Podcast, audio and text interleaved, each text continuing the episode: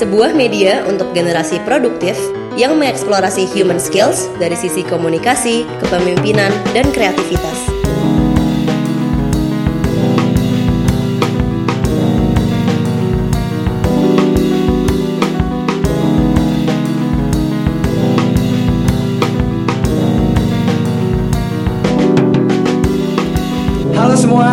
Selamat datang di Andal Indonesia episode perdana. Yes. Hari ini uh, saya Timothy Oro ditemani dengan co-host yang sekaligus hari ini jadi narasumber gua. Kita santai aja ya. Santai, santai. Santai aja. Uh, boleh perkenalkan diri masing-masing nggak? Ini siapa, siapa dan siapa? Silakan mulai dari Ya, Mbak yang- dulu. Yang paling sendiri cuma satu ya. Eh, digeser dulu. Nama saya Dian Maya Puspitasari. Ya. Saya dari Big Change Agency. Um, Big Change Agency itu apa? Mungkin nanti kesempatan buat my partner buat ngejelasin Big Change Agency. Um, I hold the role stakeholder engagement. Oke. Karena buat kan kadang kalau orang bilang "Eh, iya soalnya kita adalah doing something like client service. Tapi supaya kalau client service kan kesannya servicing the client only. Uh, ja- jadinya akhirnya dia kayak nggak reachable ke yang lain-lain. Makanya kalimatnya diubah jadi stakeholder engagement karena we want to engage with with with our all stakeholders. Oke. Oke. Cool, cool. Sini ya.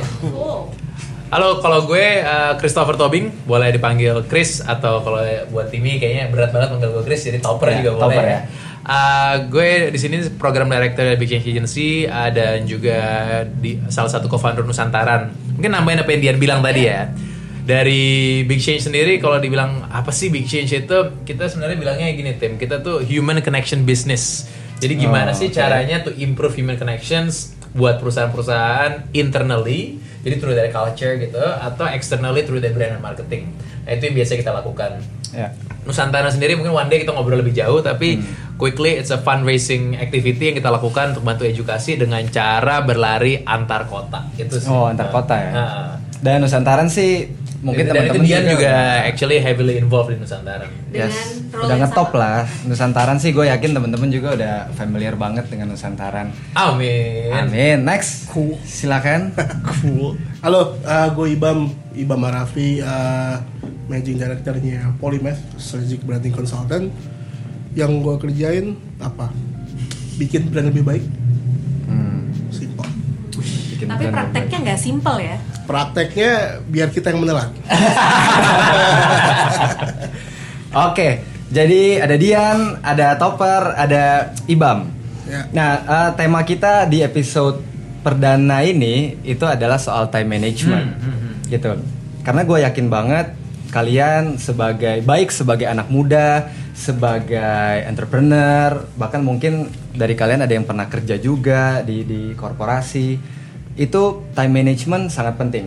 Maksudnya gue yakin banget kalian nggak sampai di sini dengan sekonyong-konyong aja ada ada ada persiapan demi persiapan dan gue yakin banget time management ini penting buat kita buat kita kulik karena gue pernah denger lah ya istilahnya dari satu CEO venture capital firm salah satu yang terbesar nih bahkan di Ah. Indonesia gue kayak overheard gitu dia gue lagi sama dia Ini overheard CEO gitu. Oh bener CEO. Jadi gue lagi sama dia, terus dia ada interupsi lah. Jadi ada orang ngobrol juga sama dia. Tapi si orang ini nih kayak komplain-komplain gitu dan komplainnya dia bilang, wah tapi pak saya nggak bisa nggak ada waktu gitu-gitu. Nah ini yang menarik nih, gue gue denger si CEO ini bilang, gini deh, saya yakin saya lebih sibuk dari kamu, tapi saya tetap bisa. Jadi saya yakin kalau kamu atur waktu kamu, kamu pasti bisa. Itu tuh buat gue kayak gue cuman overheard itu ya, padahal gue kayak wah bener juga ya, karena gue jadi mikir semua orang tuh 24 jam waktunya. Bukan berarti kayak dia CEO venture capital firm besar waktunya kayak sehari bisa 72 jam, sementara kayak kita cuma 24 enggak kan? Semua orang 24 jam. Tapi ada orang yang maksimal di hidupnya, ada orang yang enggak ada yang biasa-biasa aja gitu. Setelah gue pikir-pikir itu ya pasti karena di omongan si CEO tadi karena time management. Apa yang lu lakukan di waktu lu itu tuh mempengaruhi apa ya keberhasilan lah. Ya.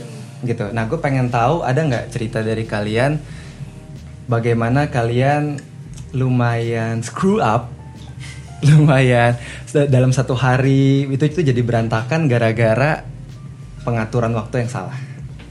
Ada yang mau membagikan waktu-waktu yang kelam itu?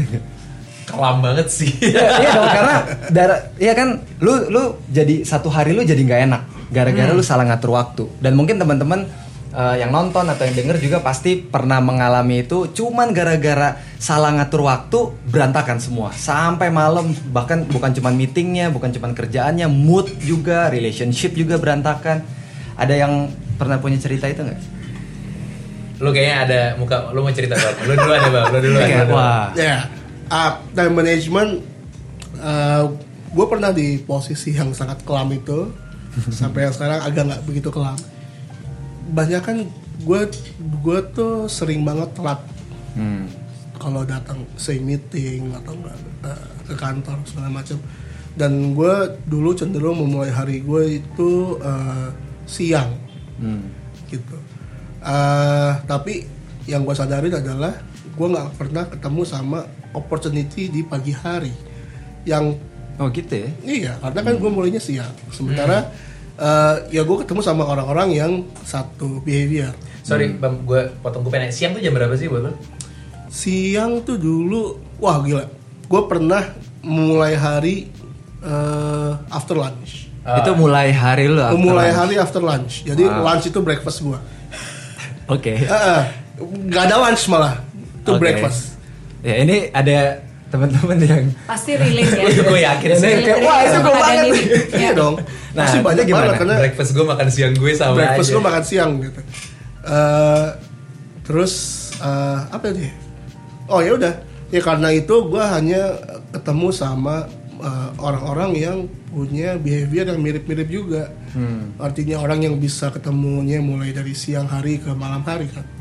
Sementara eh, ada yang bilang apa eh, kalau bangun siang rezeki kepatok ayam macam. Nah. Ya ternyata benar ketika gue mau merubah diri dan bangun pagi gitu ya tanpa ada embel apa pun pokoknya bangun pagian deh gitu yang berasa adalah waktu aktif gue lebih banyak Hmm. terus gue bisa tidur lebih cepat tanpa gue harus berusaha tidur lebih cepat Ah. karena emang udah Oh, capek iya, Ya ya ya ya. karena emang udah capek Ya ya. plus lagi ketika gue uh, mulai biasain diri berenang tiap pagi udah pasti tidur gue jam 9 ngantuk gue Hmm. Oh, jadi ternyata lu mengalami sendiri ya bahwa dengan lu bangun lebih pagi segala sesuatu jadi lebih baik lah gitu. Lu bisa ngatur. Ya, gue mungkin bisa bilang lebih produktif. betul Oke, yang lain? Ini sebenarnya mau nambahin kayak ini tuh pembicaraan yang menarik banget. Baru kan kejadian lagi beredar di uh, media massa bahwa ada satu menteri Jepang yang telat 3 menit terus Hmm. dia membuat per- uh, permintaan maaf terbuka. Ya. Dan ada juga sempat gue Padahal iya, tiga menit ya. Padahal 3 menit. Di kita sih udah Iya. kayak Itu early itu, banget. Itu early banget. adalah definisi in time kali ya, Iya. bukan on time. Kalau on time kan harus sebelum, Sebelum, waktunya udah datang. Tapi kan kalau in time kan pas buat kita 5 Iya. menit lewat aja itu udah in time. In gitu. time. Nah, Terus, terus? eh, tapi yang dari situ sih belajar tentang etiknya ya, Hmm. bahwa kadang Ya. kan ada orang yang ngasih tahu "Eh, lo tuh harus datang tepat waktu. Kenapa? Karena itu adalah etika. Oh, Dan oke. pada saat etika itu diulang, itu etika baik. Ah. Tapi pada saat kalau kita bisa mengulang si etika baik itu, itu akan menjadi identitas. Ya. Tapi kita harus believe on process. Jadi kalau gue pribadi selalu memandang, em, misalnya tadi pagi gue agak telat datang ke meeting, Hmm. sekitar 25 menit lah.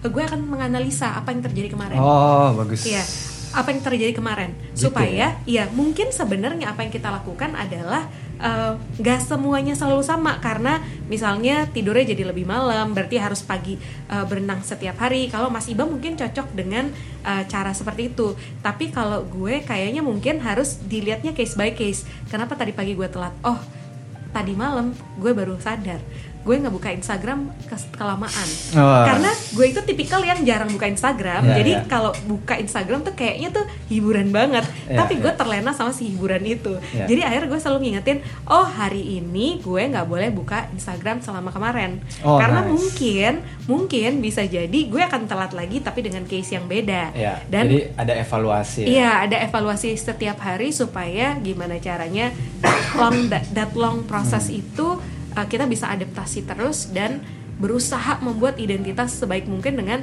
membuat etika baik Oke. gitu. Topper, Oke, gue eh, mau gue cerita quickly tentang kelam kali ya. hmm, Kalau di gue masa kelam tuh kayak datang dan pergi gitu tentang waktu. Karena yang gue lihat-lihat nih looking back dari pertanyaan lo gue kepikiran bahwa memang tergantung kapannya kan kayak Dian bilang berubah-ubah. Jadi situasi berubah-berubah tapi gue selalu lihat masa kelam itu kalau di gue dengan time management terjadi kalau gue lagi rakus. maksudnya Semua gue iyain. Oh. Meeting ini iya. Bener sih, bener Meeting ini iya. Ada yang ngajakin, yuk ketemuan. Udah lama temen lama nggak ketemu. Iya, iya, iya, iya. Akhirnya waktu waktu kayak ya namanya hidup di Jakarta ya gue maksudnya gue 90% waktu gue di Jakarta gitu. Di mana itu ya in between meetings kan bisa sejam dua jam sendiri gitu. Jadi Ya. kalau gue kebanyak gue lagi rakus antara rakus kerjaan, rakus ketemu orang, rakus apa. Nah itu biasanya mulai time management gue buruk. Jadi bukannya karena nggak ngapa-ngapain, justru karena kebanyakan mau ngapain itu yang gue akhirnya oh iya nggak bisa. Jadi kayak misalnya udah ada janji jam 9 Uh, jam 9 sampai jam 12 udah ada janji nih. Gue bilang, eh jam 8, misalnya ada yang ngajakin ketemu, gue bilang, yaudah jam 8 ketemu. Semua Pas sebelum- diiyain ya? Nah, terus habis itu selesainya mungkin gue jam 12.30 udah bisa ketemu lagi. Tapi nggak ngitung ya namanya things happen kayak gitu. Jadi begitu gue rakus, tendensinya time management gue yang di kalender sih aman ya. Ya. Tapi geser-geser geser-geser semua hancur malah kayak tadi Bang bilang meeting berikutnya bisa telat dan lain-lain dan hasilnya tuh beberapa relationship bisa hancur di situ sih. sampai relationship ya. Benar. Ini menarik sih. Em, karena tadi yang gue tangkap dari Topper sebenarnya karena semua diiyain Hmm. gitu. Nah, berarti kan sebenarnya ada caranya. Misalnya kalau kayak tadi Topper, mungkin caranya adalah eh, bilang enggak gitu. Gimana caranya bilang enggak? Ya kan harus tahu. Tadi Ibam juga sempat mention dan menurut gue ini penting banget kayaknya buat time management berarti ya prioritas Hmm. gitu. Nah, kalian masing-masing ada cara nggak untuk ngebangun time management yang baik gitu? Dari personal ya, gimana cara Dian menjawab ya? Yes. Gimana cara Dian seorang Dian mengatur waktu lo? Ya, eh, kalau gue lihat selalu sih keterbatasannya gue. Hmm. Uh, gue adalah tipikal yang gak bisa dysfunction setelah jam 7 malam. Oke. Karena maksudnya lebih dysfunctionnya harus suruh mikir, terus harus kayak bekerja yang berat-berat. Itu gimana caranya misalnya atau creating proposals di atas jam 7 fail. Yang gue pernah pelajari dari ada satu satu apa namanya ilmu kesehatan, kesehatan kuno namanya Ayurveda. Uh, dia pernah ngejabarin tentang cara bekerja otak. Katanya Oke. kalau jam 10 sampai jam 2 siang itu adalah lagi baik-baiknya untuk uh, menghitung untuk bekerja keras yang untuk gimana caranya kita bisa ambil keputusan. 10 pagi 10 sampai, 2 jam siang. 2. Oh, oke. Ha-ha. Jadi kalau kita mau punya bisnis meeting yang uh, nawar harga, ngitung iya apa enggak, terus projectnya Oh. seperti, seperti apa, itu Ini lebih dia. baik karena otak lagi baik-baiknya menyerap hal-hal Oke. yang berbentuk dengan angka decision Ya. making. Lebih baik kalau menurut ilmu Ayurveda Ya, ya, ya. karena ilmu kan banyak Dulu nih. udah dua jam hilang, mulai jam 12 loh. Iya. Gue kan posisinya yang, yang, yang ditawar. Nah, itu jam 10 Jadi gue menghindari jam itu. jam 10 sampai jam juga. 2 Nah tapi ini menarik Mungkin karena Mas Ibam kan lebih ke strategic brand Waktu paling baik untuk kita berpikir kreatif Bisa belajar adalah jam 2 sampai jam 6 jadi mungkin itu ada ada mungkin ada benernya juga kenapa Mas Ibam uh, lebih on setelah jam makan siang. Karena sebenarnya itu waktunya waktu produktifnya dia yang akan jalan. Karena membuat strategi belajar hal baru absorb informasi dari klien terus uh, mencari mengorek-ngorek meng mengeksplor hal baru itu lebih paling baik menurut ilmu Ayurveda itu jam 2 sampai jam 6 nah setelah jam 6 ke atas itu adalah loving part yang gede kalau menurut ilmu Oh, Ayurveda. oke. jadi paling baik memang Gue gak tau kenapa gue begitu barusan. ya paling baik itu adalah Romance, bro. eh, jam 6 digunakan untuk ya ketemu keluarga. Makanya selalu lebih banyak ada dinner date kan daripada Ya, lunch date. daripada lunch banyak date, kan lunch meeting, bukan Ya. lunch date. Oh. Oh, Jadi- lunch date tawar-tawaran berarti. Tawar-tawaran mungkin dia lagi desain sesuatu tawar-tawaran gitu. Terus Aku boleh sampai nggak? sampai waktu gue belajar Ayurveda, terus eh, salah satu terapis gue bilang gini, kalau lo mau minta maaf sama orang, lebih tendensi probabilitas diterima di atas jam 6 deh. Sekalian kalau lo minta naik gaji sama bos lo, bilangnya di atas jam 6 aja, karena itu lagi loving-lovingnya. Jadi Oh. probabilitas yes itu lebih gede. Makanya anak kantor gue kalau minta one on one gak gue kasih di atas jam 6 Ya, ya. karena semuanya dibolehin ya itu sih Oke. menurut gue yang gue pelajari jadi gimana caranya gue pribadi eh, emphasize sih time management adalah dengan eh, gue tuh tahu batasan gue di mana Batasan-batasan. gitu Topper atau Ibam? Gimana? Gue pengen tahu juga nih dari kalian cara seorang Christopher atau cara seorang Ibam mengatur waktu kalian tuh gimana? Karena buat teman-teman mm, yang mungkin belum terlalu familiar dengan para co-host gue ini, mereka itu tuh sibuk banget. Mereka banyak kegiatan, mereka banyak bisnis juga eh, di sekeliling mereka, banyak acara juga. Jadi ini berharga banget buat gue untuk tahu gimana caranya uh, teman-teman gue ini para co-host membagi waktu mereka. Misalnya kayak lu kan ada bisnis, ada Nusantara, Iya, terus iya. anak lu masih kecil juga, Ibam dengan semua bisnis-bisnis lu baru lahiran, congratulations. Congrats Bam, congrats Bam, Daddy. Baru- Daddy, baru Daddy. punya anak gitu loh. Gimana? Lu lu ngatur waktunya gimana? Um, kalau gue, nih mungkin gue apalagi konteks utama kayak Nusantaran ya, di mana itu gue obviously ada ada big change, habis itu ada Nusantaran, and then ada keluarga, plus on top of that ada beberapa social activities lagi yang gue involve. Memang lumayan uh, ribet akhirnya. Cuman satu hal adalah pada saat gue sadar bahwa waktu itu adalah hal yang kita share. Tapi kalau share Waktu tuh adalah hal yang kita share. Oke. karena kayak gue sekarang kan lagi ngambil waktu lo, gue lagi ngambil waktu Ibam, gue lagi ngambil waktu Dian. Oh. Jadi ini kita lagi saling sharing this time slot akhirnya. Pada saat itu gue harus menyamakan persepsi antara waktu itu. Kayak gitu loh. Jadi waktu ini persepsinya gimana sih? How valuable waktunya ini? Uh, objektifnya sama atau enggak? Kemudian uh, perlukah kita melakukan ini? Maksudnya pertanyaan-pertanyaan sesimpel itu gitu. Jadi, lu analisa dulu gitu ceritanya. awalnya analisa banget tapi lama-lama kan lu udah mulai makin Jadi kenal habit, orang ya. lu udah tahu kayak oh kalau sama Ibam gue bisa begini Oh, dan lain-lain. oke, ya. Terutama kayak di Nusantaran karena kita itu uh, punya sekitar 20 core team di mana semuanya part timer. Mereka semuanya volunteer dan kutip harus kerja after office hour or weekends to be able to work together kayak gitu. Nah, ini isunya volunteers ya. banget Ya, ya. banget dan Nah, ini gue tahu banyak banget organisasi uh, organisasi yang sifatnya relawan fail karena nggak punya waktu untuk ketemu.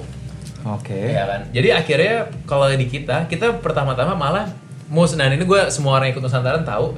Setiap tahun tim komite Nusantaran kita bubarin. Oh gitu ya. Jadi setiap tahun kita bilang udah bye selesai. Oh, oke. Tapi besoknya kita invite lagi. Lo mau nggak komit buat another year? oh. Gak usah tiga menit kemudian Tiga menit kemudian japri lagi, bro. Tapi, tapi harus bro? dibubarin dulu. Nggak, the reason why kenapa itu karena kita menyamain. This year persepsi waktu kita masih sama nggak? Oh, nah. Lo mau komit nggak for another year? Jadi ekspektasi waktunya tuh sama gitu ya. Eh, karena at least banyak tahu yang gitu. terluka karena ekspektasi Jadi waktunya beda. kayak gue bilang sama lo, oke tim, misalnya gue bilang, oh lo mau relawan Nusantara, oke, oke ini artinya seumur hidup Ya, nggak? ya, betul. Oke ini Ah, artinya betul. sebulan ke depan nggak? Apa sehari? Jadi kita Betul. akhirnya bilang, lo mau nggak komit setahun lagi 2019? Lo mau nggak komit setahun lagi 2000? Waktu itu tahun lalu 2018. Kalau di dan beberapa kali jawabannya memang bilang enggak, sorry, gue tahun ini nggak bisa nih. Ada yang bilang mau kawin, ada yang bilang mau gue lagi buka bisnis ngerintis, nggak bisa nggak ada waktu. And dengan itu, dengan kita managing expectation, level setting antara waktu gue, waktu ibam gitu, kita tuh bisa tuh, oh ya udah nggak apa-apa. Dan gue bisa memanage, gue nggak usah kutip ngomongin Nusantaran sama ibam. Gue mungkin punya Hmm. waktu sama dia ya buat kita di sini di Andal kayak gitu, karena kita udah tahu nih kita sama-sama punya value uh, akan waktu itu bersama-sama kayak gitu. At the same time orang-orang Nusantara semua karena udah punya persepsi, oke Nusantara penting, akhirnya jadi prioritas. Oke. Akhirnya itu yang gue lakukan. Jadi gue sekarang mencari kalau emang gue mau spend time waktu mau meeting balik ke gue tadi ya yes or no nya. Ini uh, my value of time itu udah sama belum sih? Gua dengan mereka persepsinya itu udah sama belum sih kayak gitu. Ya, ini- sama keluarga sih sebenarnya. Ya, ini baru nih buat gua men- mau menyamakan persepsi waktu ya. Tapi karena bener banget, mungkin teman-teman juga pernah konflik sama orang karena gitu kayak, oh gue pikir lo committed lah. Gue nggak pernah ngomong tentang komitmen. Gue pikir kita cuma this period of season atau this period of time aja gitu. Ya. Dan akhirnya terjadi konflik. Good sih. Ya, eh, salah satu eh, my another therapist di homeopati juga bilang tentang persepsi waktu. Katanya emang cepat atau lama yang berhubungan dengan waktu itu rasa.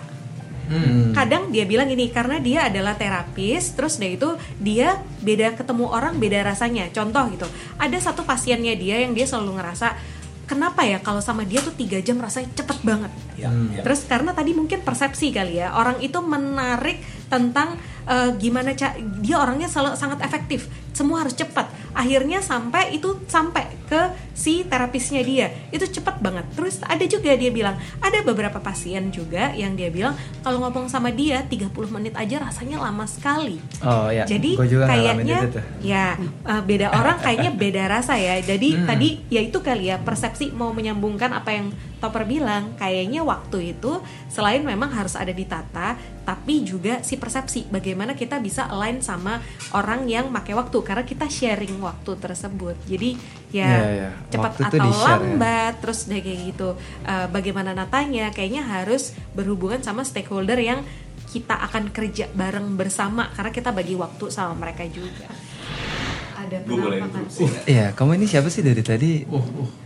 Iya, auranya udah Nah, tadi gue dilihatin. beda ya. Terus kamu rapi sekali, kamu ini Oh, iya. mengintimidasi saya deh dengan kawasan Iya. gini. Sebenarnya pembahasan tentang waktu itu menarik sekali karena eh, kalau berdasarkan pengalaman gue itu gue bermasalah di persepsi waktu waktu gue adalah milik Dian, Topper, Timi dan Ibang ketika gue misalnya deal meeting sehingga gue nggak mau mengecewakan kalian di situ bukan milik gue kalau milik gue eh, semua mata ada di gue tentang waktu itu Oke.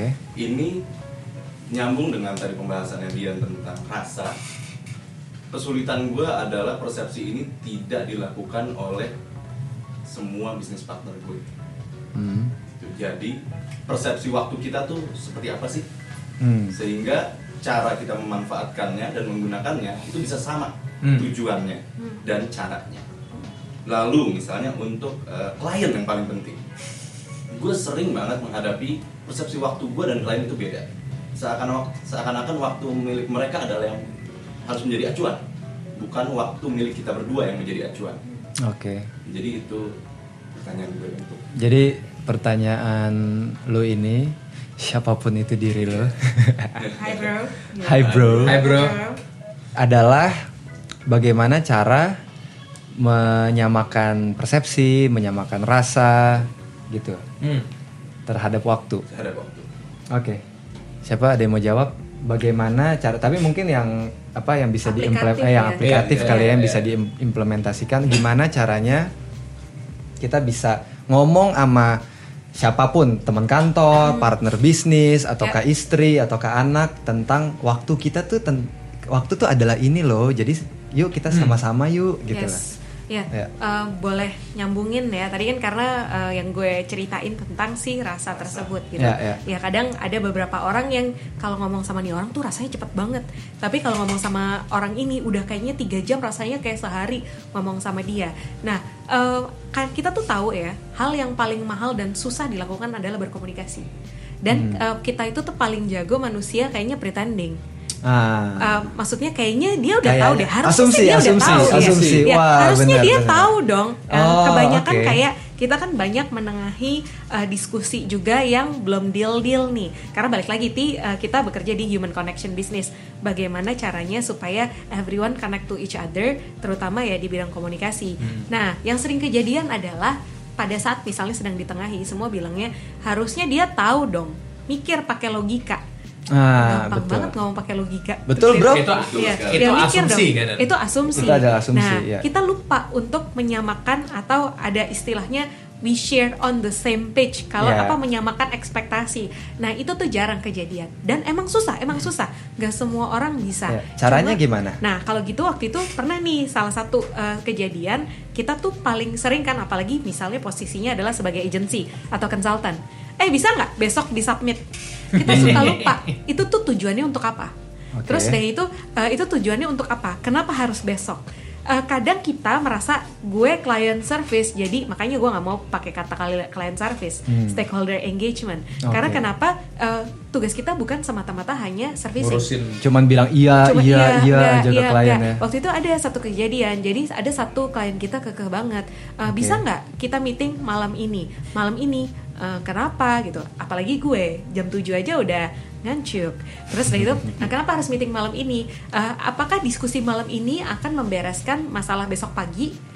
Itu lu tanyain? Iya, akhirnya Oh, tanya. oke. "Eh, tapi soalnya gini nih, jadi kasih case-nya. Kan ini udah jam 7. Terus udah itu kan udah pada lelah semua karena udah banyak hal yang kita lakukan seharian. Apakah kalau kita ngobrol malam ini itu akan ngasih impact ke besok pagi? Enggak sih, Mbak, minggu depan. Oh ya udah meetingnya besok aja boleh nggak? Kan minggu depan juga Oh, impactnya ya. nice. Jadi emang itu kadang hal yang nggak semua orang kepikiran, tapi sebenarnya dan itu akhirnya men-trigger orang yang kita yang jadi counternya kita.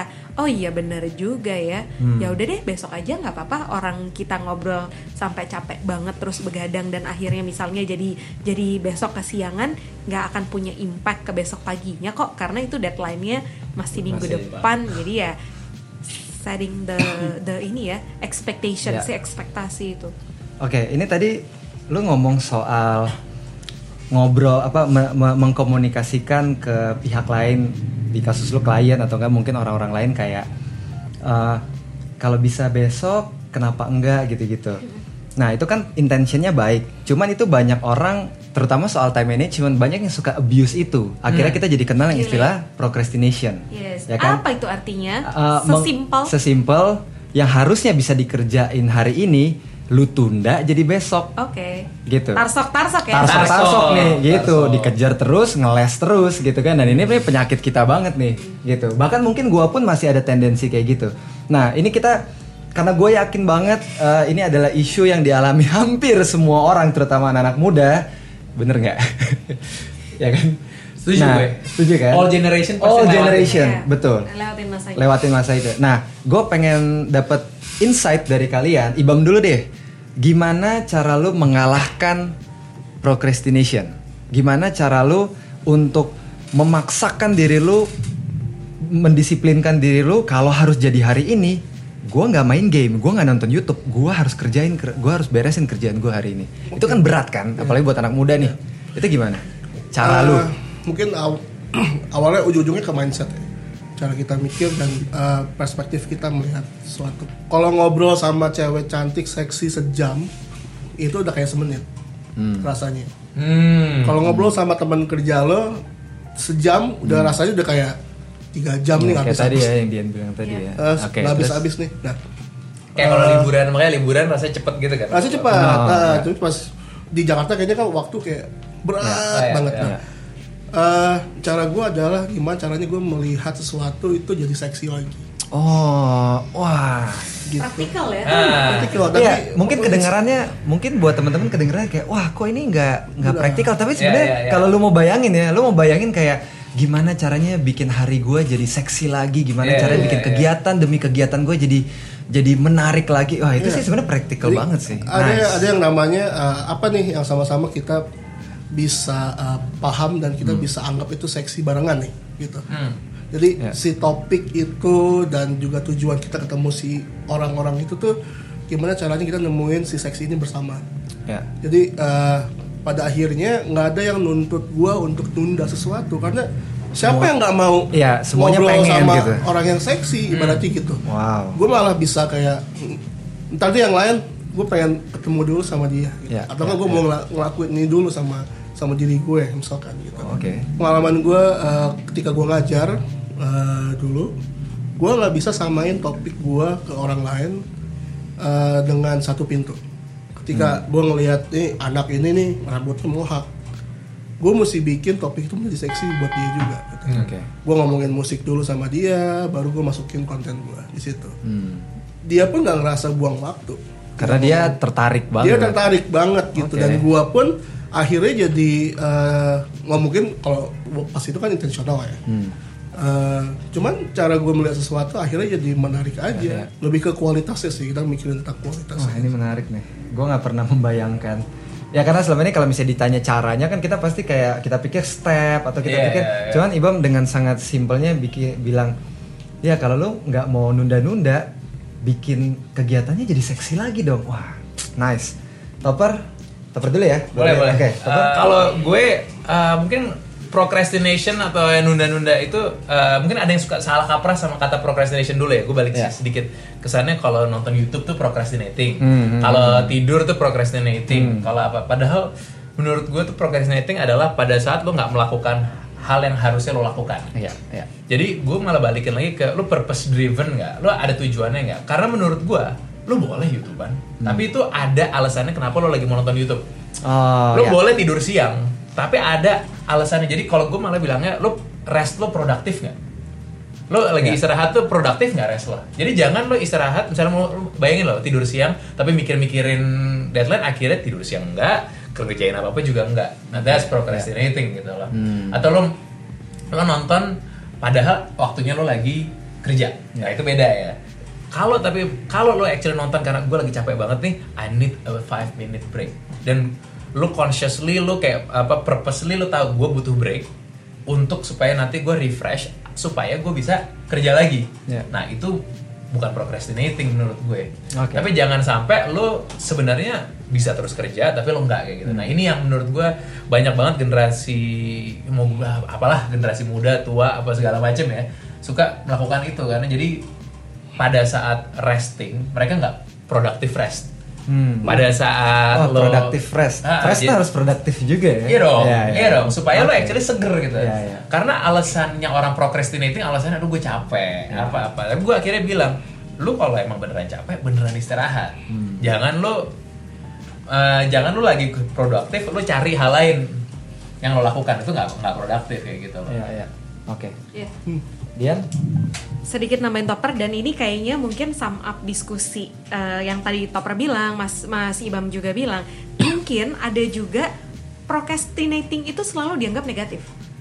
Padahal sebenarnya pada saat itu jadi negatif kita harus lihat sebab akibatnya. Iya. Eh, selalu kita tanamin di kantor kita harus selesaikan apa yang kita mulai. Hmm. dan pada saat delaying mungkin ada salah satu sebabnya adalah karena dia udah kecapean Ah. tapi bukan berarti delaying untuk quit atau delaynya Oh, kelamaan. bagus. Tapi delay tadi productive rest buat akhirnya dia bisa jump in lagi, dia akhirnya bisa menyelesaikan apa yang harus dimulai. Nah, Ya. jadi mungkin kadang itu ya, karena kalimat itu kayaknya udah kelihatannya negatif. Jadi semua yang delaying itu Ya. selalu akhirnya jadinya ikutan negatif. Ya. Tapi balik lagi sebab akibat. Kenapa dia sampai delay? Itu yang harus mungkin kalau kita ngelihat orang nih orang kenapa ya ngedelay sesuatu terus. Tapi kadang selalu ngelihat iya sih kamu itu malas gitu. Padahal sebenarnya ada temen gue yang dia eh, S2 ngambil topik tentang malas. Malas itu adalah hanya terms dan terms itu akan berbeda antara satu sama yang lain. Tadi kita balik lagi ke rasa persepsi satu sama lain. Mungkin kita buat orang eh, Papua ya yang banyakan dia bertani atau misalnya bikin tas rajutannya kalau kita buka laptop kita dibilang malas tapi untuk ya kalau kita Ya buka gitu laptop ya. kita dibilang malas karena kita nggak ngerajut seperti dia mungkin Oh, tapi oke. begitu juga sebaliknya kita ngelihat mereka kok tuh orang males banget sih cuma gitu-gitu doang pekerjaannya Ya, ya. nah itu kan rasa persepsi Hmm. yang nggak align aja makanya dibilang males Ya. nah balik lagi tadi delaying nggak selalu males Ya. mungkin dia lagi productive rest dan yang harus dicari adalah penyebabnya kenapa dia harus delay Oke. apakah dia udah burn out frustasi Ya, ya. Gue eh Sorry tim, gue Ya. kekatin karena gue tadi kayaknya belum ngejawab caranya gimana. Caranya Oh, akhirnya oke. gue nanya Ah. ke diri gue sebelum gue nonton YouTube, sebelum gue mau tidur siang, kadang-kadang atau sebelum gue itu, kenapa ya gue tidur, gue mau nonton ini? lu nanya ke diri Kenal lu. diri sendiri, jadi lu kayak- banyak self assessment ya Ah. Nah, tapi enggak enggak, enggak tapi maksudnya kalau gue gue ngeliatnya bagus nih Ini kurang temen jadi ngobrol sendiri apa gimana ya? oh iya iya tapi benar teman-teman self assessment penting banget gitu gue gue personally nggak terlalu setuju dengan konsep go with the flow untuk personal development ya. Harus kita harus ngecek diri kita sendiri gitu. Terus ya gue nanya aja kayak kenapa gue mau nonton ini ya? Oh iya karena gue mau refresh. Atau kalau di- jawabannya eh karena ini karena ini katanya Ibam lucu banget itu nanti deh. Hmm, Jadi gue bisa memberikan disi sebelum gue kerjain gue memberikan kesadaran diri bahwa gue ngapain sih kayak gitu. Ya. Kalau gue mau uh, diajak ngopi, kenapa gue mau ngopi dia? Eh actually ini ada business opportunity, ya udah gue berangkat. Hmm. Apa ngopi ini seru-seruan? Ya udah kayak dia bilang, "Ntar sore aja deh. Karena itu gue lebih pada saat itu gue lebih free. Hmm. Jadi gue bisa membuat decision gue uh, kalau gue nanya dulu ke gue apa objektifnya, apa Yes. purpose-nya dari Seksi itu relatif. dari ya, kayak ya. gitu. Iya, kayak nyambung gitu. sama itu Yes. ya. Itu seksi nggak nih? Benar. Ah. Ya, ya, ya. Oke. Eh, karena kenapa gue tertarik banget ngomongin procrastination karena ya tadi ya pertama udah jelas kita sangat sangat mungkin dan bahkan mungkin ada yang hobi banget nunda.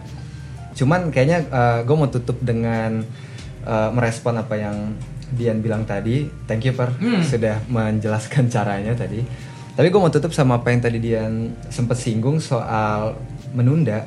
Gue tuh pernah baca eh, teman-teman juga gue rekomend sekali sih buku ini originals yang tulis Adam Grant. Itu ada satu bab yang dia bahas tentang menunda gitu. Jadi originals ini buku yang menceritakan bagaimana perusahaan-perusahaan tuh berhasil sukses termasuk Airbnb dan segala macam. Nah, ternyata menunda itu tuh nggak salah. Yang kayak tadi lo bilang, makanya gue, lu pas ngomong gitu gue kayak, wah ini bener banget nih berarti buku yang gue baca. Karena kadang-kadang dengan lu sengaja menunda, tapi dengan catatan sengaja ya, dengan lu sengaja menunda, lu tuh jadi bisa evaluasi kayak tadi topper, lu nggak terburu-buru, lu tahu resikonya, lu pelajarin ini, pelajarin itu, gitu. Jadi menunda sebenarnya nggak masalah. Cuman yang jadi masalah di kita itu tuh yang tadi definisi procrastinationnya topper, yang harusnya bisa lu kerjain hari ini, eh nggak lo kerjain, lu tunda besok, malah lu sibuk melakukan sesuatu yang ya mungkin bahasa gua nggak penting gitu ya, gitu. Itu itu yang sebenarnya bahaya, gitu. Jadi eh, ya gue harap kita dapat sesuatu yang menarik ya tentang time management ini atau ada yang dari tadi Gue aduh gue pengen ngomong ini nih gitu Gue Ayo cuma pengen terakhir aja. untuk penutup To be better time management digabungin ya. Hmm. Purposely lu tahu, lu make it sexy sama baru abis itu lu bisa tahu oh ini tunda apa enggak. Kalau boleh Ya, ya. ya why not. Tapi Ya. make sure tadi make it sexy for you. Iya. Dan- itu itu insight yang Iya. strong banget ya Nah, kayak terakhir buat tutup. seksi selesaikan apa yang sudah dimulai. ya Bisa betul. juga selesaikan apa yang sudah dimulai adalah dengan tidak diselesaikan. Tapi kan itu closing kan. Oh ternyata tadi misalnya abis uh, delaying something, reflect lagi, kayaknya emang jalannya bukan yang ini deh. Ya. Dengan menyelesaikannya adalah dengan tidak dilanjutkan lagi, Hmm. bisa juga. Ya, ya. Jadi kadang soalnya Closure ya. ada orang yang selalu ngingetin, apalagi mungkin orang tua kita gitu ya. Itu tuh sudah tanggung. Kalau buat gue pribadi nggak ada yang namanya sudah tanggung. Hmm. Kalau emang itu salah ya berarti jangan Ya, dilanjutin, jangan lagi. dilanjutin. Oke. Gitu. Ya. Sama uh, note terakhir juga dari gue soal share yang tadi Bro Bro X. Bro X ya. Gue Ya, gue tadi sedikit panggil bro. sedikit merinding bisa ada pertanyaan-pertanyaan suara berat gitu tuh. Iya, ha. Kaget gitu gue. Kayak Iya. Bro X belum puas tuh tapi. Bro X belum puas, tapi nanti mungkin bisa kita lanjutin Bro X, oke? Uh, tapi gue setuju banget dengan Bro X, walaupun gue sempat terintimidasi sama lo. Cuma, tuh seharus oke, seharusnya oke. Nanti kita tunggu di episode berikutnya. Siapa yang lebih baik? Uh, tapi gue setuju sama Bro X. Waktu itu dan sebenarnya Topper udah sempat mention tadi sedikit. Waktu tuh yang yang baik kalau kita berpikir waktu tuh bukan punya kita. Kita jadi egois banget kalau kita berpikir waktu punya kita. Jadi si agency ini yang harus ikut gua. Kan gua bosnya. Itu menurut gua nggak nggak nggak baik lah ya kali ya. Atau nggak kayak kan gua bosnya, kan gua kan gua yang lebih ini, kan gua yang lebih tuh. Lu yang ikut gua kayaknya. Kan gua yang bayar. Kan gua ah betul. Kan gua yang bayar. Lu ikut gua ya kayaknya nggak gitu kali ya. Mungkin respect juga kali ya. Iya. Itu ada ada unsur respect untuk bisa memiliki time management yang bagus kali ya. Alright. Thank you so much Dian, thank you so much Topper, thank, Thank you. Ibam, thank you Bro X. Bro, Gue nggak tahu, gue nih suka sama lu atau enggak, cuman let's see. Kita tunggu lagi ya kedatangan lu di episode-episode berikutnya. And that's it. Sampai jumpa di Andal Indonesia episode berikutnya. Next kita akan ngomongin soal prioritas. Oke? See you again and have a nice day, I guess. Bye. Cheers. Cheers.